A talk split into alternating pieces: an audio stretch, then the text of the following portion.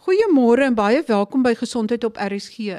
Ek gesels vandag verder met professor Wolfgang Preiser en ons gesels oor die COVID-virus variante en die entstowwe. Professor Preiser is hoof van virologie by die Universiteit van Stellenbosch en ook die Tygerberg Hospitaal. Ek gee net 'n baie kortlikse opsomming van die hooftrekke van die gesprek van verlede week. In die eerste plek is neem kennis daar is verskillende variante van die COVID virus en ons neem hoofsaaklik kennis van die variante wat meer aansteeklik is of wat ernstiger siekte veroorsaak. Daar's baie ander variante en daar's lyste daarvan wat ons nie eens bespreek nie omdat dit nie die mens so siek maak soos die oorspronklike virus nie. Neem ook kennis dat die entstowwe is wel effektief genoeg teen Suid-Afrikaanse en ander variante. Dis nie perfek nie, maar doeltreffend genoeg. Variante kan nie geïdentifiseer word as die oorspronklike virus nie geïsoleer en geïdentifiseer is nie. Moenie die fopnuus glo dat die virus nie geïsoleer en geïdentifiseer is of dat dit nie 'n virus is nie.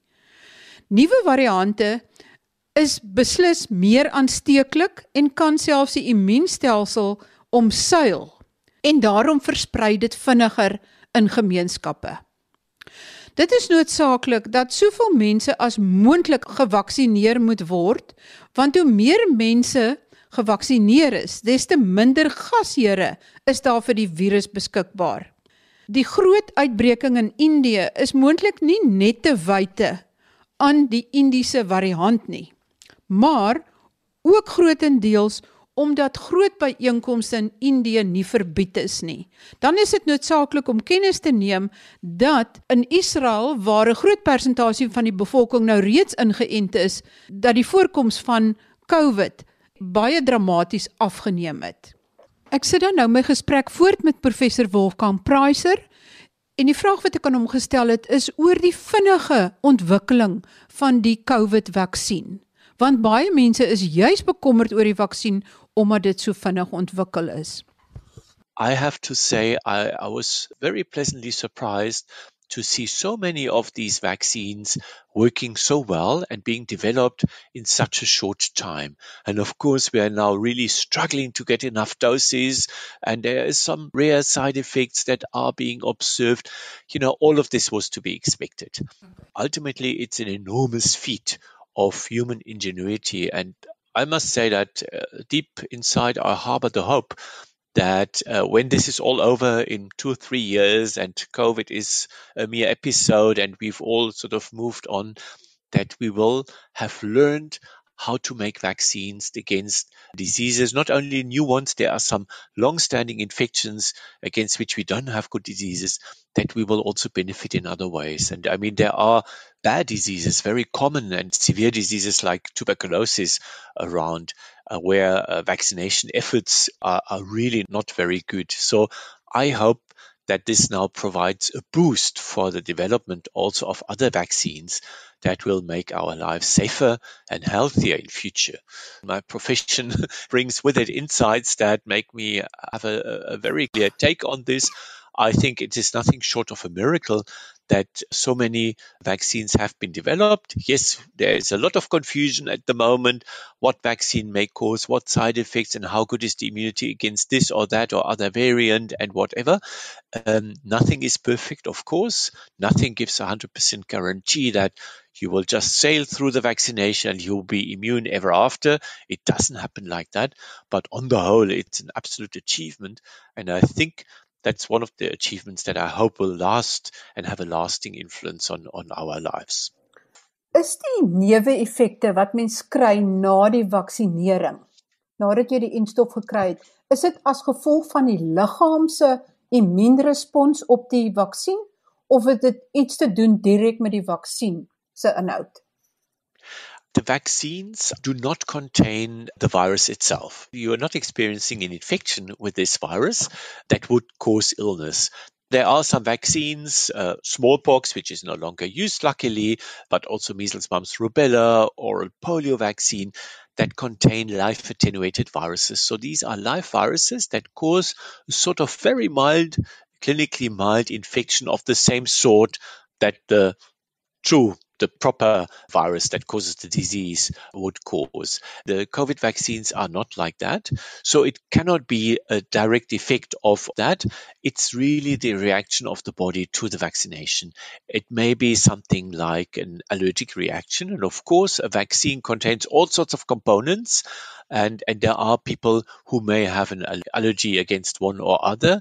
And this has been described. And in, in very rare cases, it may be very severe and people need uh, to be treated for that urgently. And that is something that the vaccination sites are prepared for.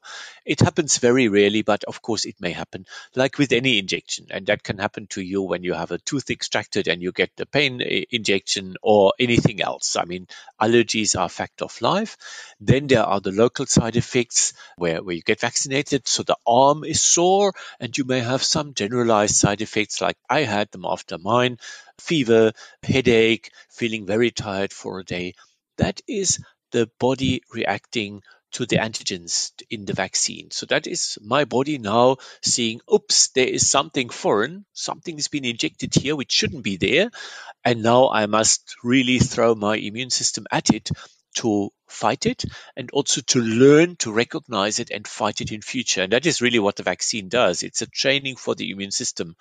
And like if one trains for the Cape Argus and you, you cycle 30 kilometers, you know, you will, you will have pain in your legs and other parts of the body until you get used to it. And it, it's a similar thing to that, which is not severe. It's just unpleasant.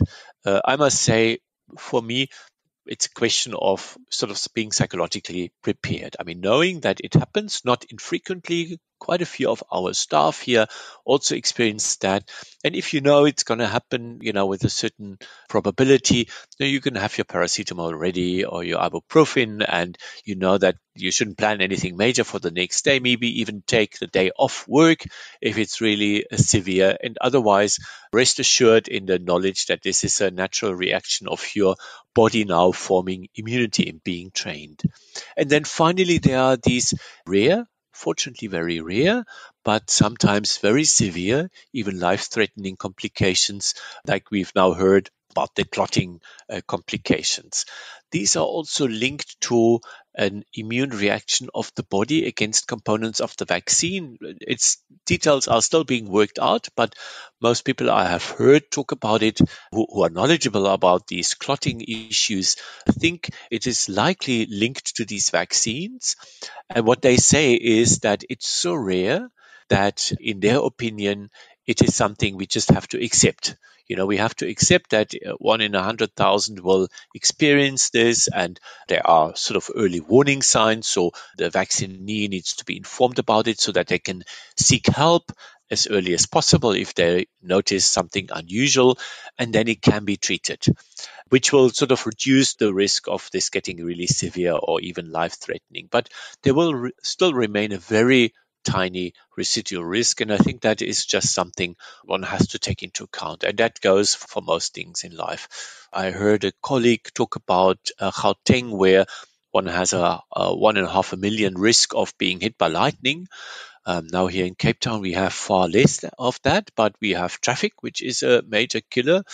I think we talk about a one in uh, 200,000 or one in 500,000 or one in a million risk of dying from a COVID vaccination. That would be after I survived the drive to the vaccination site and back. I'm not trying to belittle it in any way. I think this is like all serious illness is of course very bad, but it's a very tiny risk. And of course, it's very slight compared to the risk of getting the severe infectious disease due to COVID. And COVID, one of the elements of severe COVID is unfortunately also clotting issues. So it's it's commonly seen in patients who have severe COVID and are in intensive care, and it's in many cases also what will ultimately cause their death. Given the risk of getting COVID and then the risk of developing a severe form of the disease, the risk from the vaccine is very tiny. Professor, dan net van die bloeddienste wat die eh, bloedmonsters getoets het, van mense wat eintlik inkom om weer bloed te skenk of om gevaksinereer te word, het hulle gesien dat 'n eintlik 'n redelike groot persentasie het reeds teenliggame teen ja. COVID. En dat in sommige gemeenskappe self 70% van die gemeenskap reeds teenliggame het. Is dit 'n goeie ding? It may well be. The first reason why these studies, and I'm also involved in similar studies now in different groups, not with a blood transfusion service, is to see just how many cases occurred in a community that were never diagnosed. And firstly, cases may be very mild or may just be inapparent clinically, but then also during the peaks of our uh, two epidemic waves, we were unable to cope with the number of patients. So people who were not part of a risk group, so young and, and healthy. Otherwise, who developed symptoms suggestive of COVID were just told to isolate at home and not come for testing and so on. So there is a large group, presumably, who we didn't have a chance to diagnose. And these antibody tests are meant to fill in on that. So allow us to see, okay, so what is the proportion? What's the relative frequency of infection and how many of those were severe and were tested? Some people, of course, and sadly had severe COVID even and still didn't get to medical care. So that would also be captured if they survive by the antibody testing. But one can speculate that the majority of people who've had it will be immune at least for a while. So I think at this stage, uh, most people would assume that for about six months after having recovered from COVID, you would be relatively immune against becoming infected again. And thereafter, it'll, this immunity will fade, it will go away slowly over time, and then the risk of being reinfected again, if there is a renewed surge and one is exposed again, um, that would increase. So, in a way, it is uh, probably not bad news. I mean, seeing that the people who were tested obviously survived the infection, and it may give us a bit of a shelter against the third wave. So, some people think that some colleagues think they have done modeling and they think that because of that, the third wave will not be as devastating as the second wave. That said, I really have to also unfortunately add the negative aspects.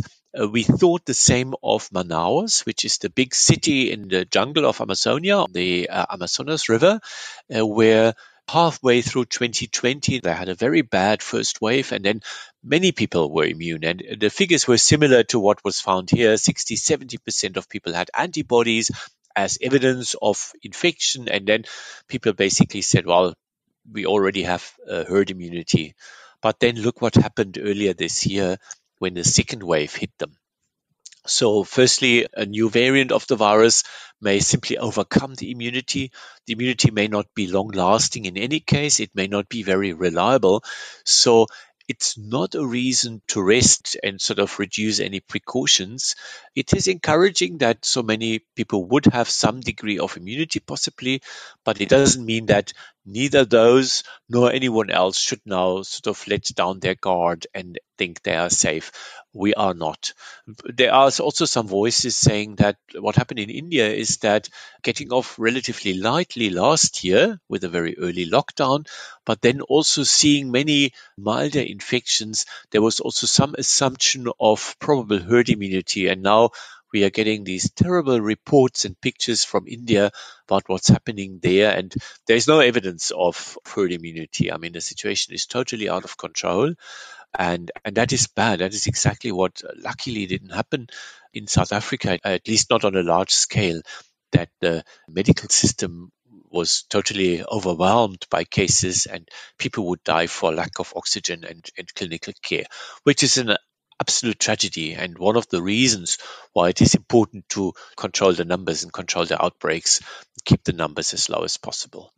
Professor, het gesien as ek na die wêreldkaart kyk, dat in die Asiëse lande was die tweede golf baie minder erg as in Europa en in die westerse wêreld, Suid-Amerika, Engeland en in Europa.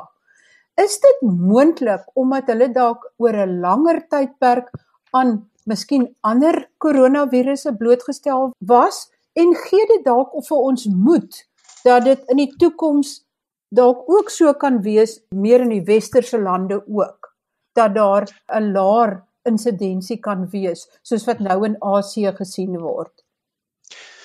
There have been uh, lots of discussions and, and considerations as to whether previous exposure to other coronaviruses and you know, there are four coronaviruses that we've known about for many, many years and that have been around probably for decades, if not centuries, and that are quite common and usually causing just a common cold. So a mild, the typical flu-like illness, but not very severe.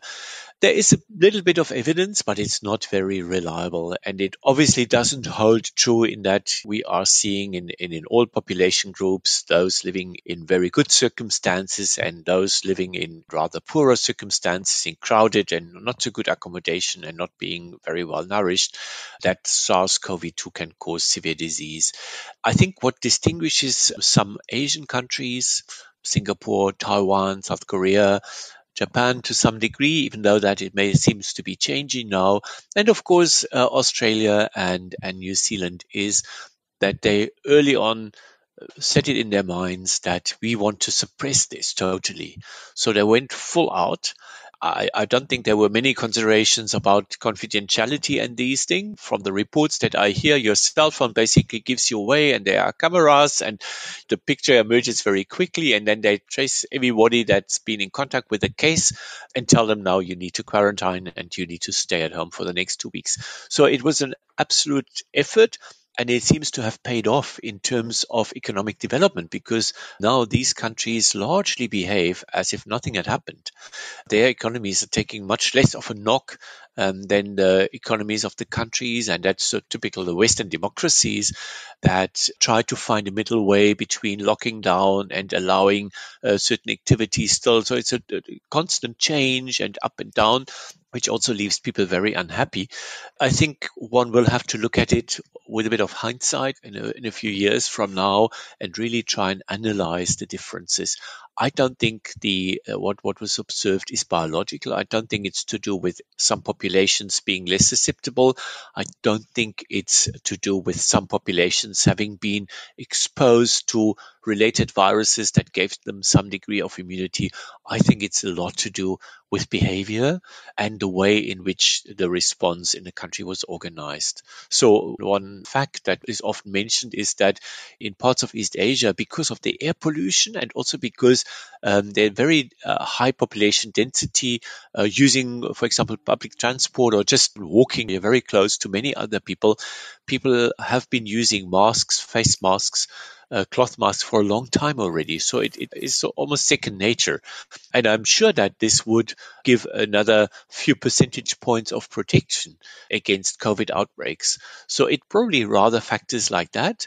And, but most of all, probably a resolve, a political direction that said, well, we need to totally control this. We need to get rid of this thing here, very strict controls for arriving people. You know that in Australia you have to go into quarantine in a special hotel.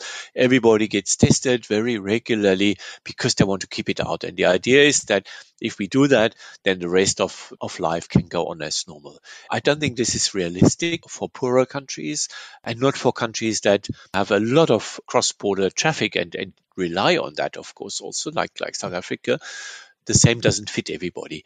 South Korea or in Taiwan, I don't think there's a question that everybody has a cell phone or a smartphone or probably a few and all sorts of fancy devices. You, you wouldn't be able to do that now in Khayelitsha where, you know, many people will not have that and will not even have airtime. So it's not necessarily a model, but I'm sure there are certain things that one can learn from that basically looking at what worked, what didn't work, what caused more harm, what caused less harm. I mean, in, in terms of unwanted effects on the economy, for example, one will hopefully learn lessons from that uh, for future uh, pandemics. Uh, Professor Preiser, ek kan nie die gesprek afsluit sonder om vir jou te vra is daar 'n plek vir ivermectin? Wow, what a yeah. I'm probably not the specialist to answer that. I have amongst my acquaintances and, and friends also uh, different groupings. Some swear by it, others do not. May I just add that as a virologist uh, who's been in medical virology for the past 25 years, when I started, we had very few antiviral drugs. There was just a handful. It was really acyclovir against uh, herpes infections. It was AZT or zidovudine against HIV and not much else. In the meantime, we have 30 or 40 plus uh, drugs against HIV, which can be controlled very well in an infected individual, several drugs against different types of herpes virus infections for different types of cases. We have drugs, which was unheard of at the time, against chronic hepatitis virus infections that are a total lifesaver that really can cure it and you know prevent all the negative long-term effects like liver cancer. So there's been amazing progress. Now it came after many years of very hard basic research. So basically, there was millions and millions of dollars and euros put into basic research some of which then gave leads, which was then taken up by the pharmaceutical industry that of course saw business in there, that then went and developed these drugs. And for each drug that makes it to the market because it's found effective and safe and, and so on, for each drug there are like dozens that fall by the wayside that look promising at first, are then tested and turn out to have unacceptable side effects, uh, too often, too frequent, and too severe, or are simply not not uh, effective enough. So to expect any drug, and it started with chloroquine more than a year ago, um, ivermectin, and there are several others. To expect a drug that's been sitting in our shelves for many years, I mean, in this case, many decades, to by pure chance have a major effect on that virus, it doesn't seem plausible. From the start, I, I would be skeptical because I know how clever these little viruses, and of course they're not clever, they are just biochemical molecules, but how they have evolved to hijack cells and use a lot of what the cell does for their own purposes so in order to harm the virus but not kill the, the cell and ultimately the whole body that carries the cell, I mean the patient, it's really a very difficult thing to do. So uh, never say never, of course, and I would not rule out that certain drugs that are known already would help in some respect, but it could also be indirect, less than sort of dealing with the virus itself, maybe it dampens an immune response which is too strong and does damage in its own right. So there are many effects uh, that a, a, drug could have that could be beneficial. For ivermectin, there are some studies that show some effect, other studies that do not. Looking back at the over the first year of such efforts, it is actually sad, and I'm not the first one to say that, that so many small studies and trials have been done but unfortunately, with very few exceptions, none of them was designed well enough and also big enough to really give a conclusive answer. So what one would really want to do is to test almost identical groups of patients that are very well comparable. One gets the drug, the other one does not, and then see what is the difference in outcome. There are very few of these studies of the necessary quality. So a lot is sort of, yes, I have a small series. I've tried this in patients. They did well but we don't know. They might have done well anyway. So you know, it's it's it's a difficult thing. And or uh, if you give something to somebody who's already on a ventilator and is is in a very bad state, yeah, of course, uh, maybe the drug uh, needs to be given earlier to make a difference. So I personally have never thought of trying to get hold of ivermectin through whatever channel in order to treat myself or my family. I must say I'm too much based in medicine to accept this as, as something worth trying. I would really want to see evidence that it is effective and that it is safe, and then that is something that I would consider ultimately, I think you know one one needs to do a, a proper study, and I'm also aware of uh, cases, and that was here in our faculty where trials of different drugs uh, were happening, and then it was in between the first and the second wave. Of course, nobody knew the second wave was on its way, and then the funders withdrew funding because they said, well, you're taking too long to recruit enough patients to participate in the trial, so you're not getting there. And then the funding was withdrawn. Very disappointing, of course, for everybody that's put on a lot of effort into this trial. And then a few weeks later, the the second wave hit. And within a few weeks, within two or three weeks, we would have recruited all the uh, numbers of uh, patients needed and we would have had very good results. I mean, we could have really told, okay, it works or it doesn't work. So these are all missed opportunities. I think there's a lot we can learn to improve for future health emergencies that studies are started early but are designed in a way to really give a very good answer. You know whether positive or, no, or not but you know you want the evidence and for that you need to do good studies. I think the vaccine studies were generally better done than most of the medicine studies the drug studies I never consider that for myself because I don't see the evidence to be sufficient for ivermectin or any of the other drugs. And in fact, uh, one disappointment is that, of course, with the exception of the corticosteroids that are given in more advanced, more severe cases and that do save lives, that has been shown, and that is, of course, now standard treatment, that many of the other drugs that some of which were developed specifically against viruses don't seem to make a major difference. So it's not a very good state of affairs. It's a bit disappointing and sad, but it just shows that viruses are a difficult thing to treat and to come up with a good drug that kills the virus, uh, that combats the viral replication, but doesn't harm the host is still a very difficult thing to do. As jy in een sin 'n finale boodskap moet gee vir die luisteraars, wat sal daai kernboodskap wees? It's a very brief one, and it's really more from human to human than from a medical professional or, or scientist to the public. We are all fed up with this. We've had a very rough year, most of us, and had to make many sacrifices. And many of us have had have seen and, and lived through a lot of suffering and loss. I think we need to stick in there for a few more months. If you look and read reports and watch reports from the countries that have gone ahead with vaccinations and how they are reopening and how it is becoming safer uh, for them. Yes, we are behind.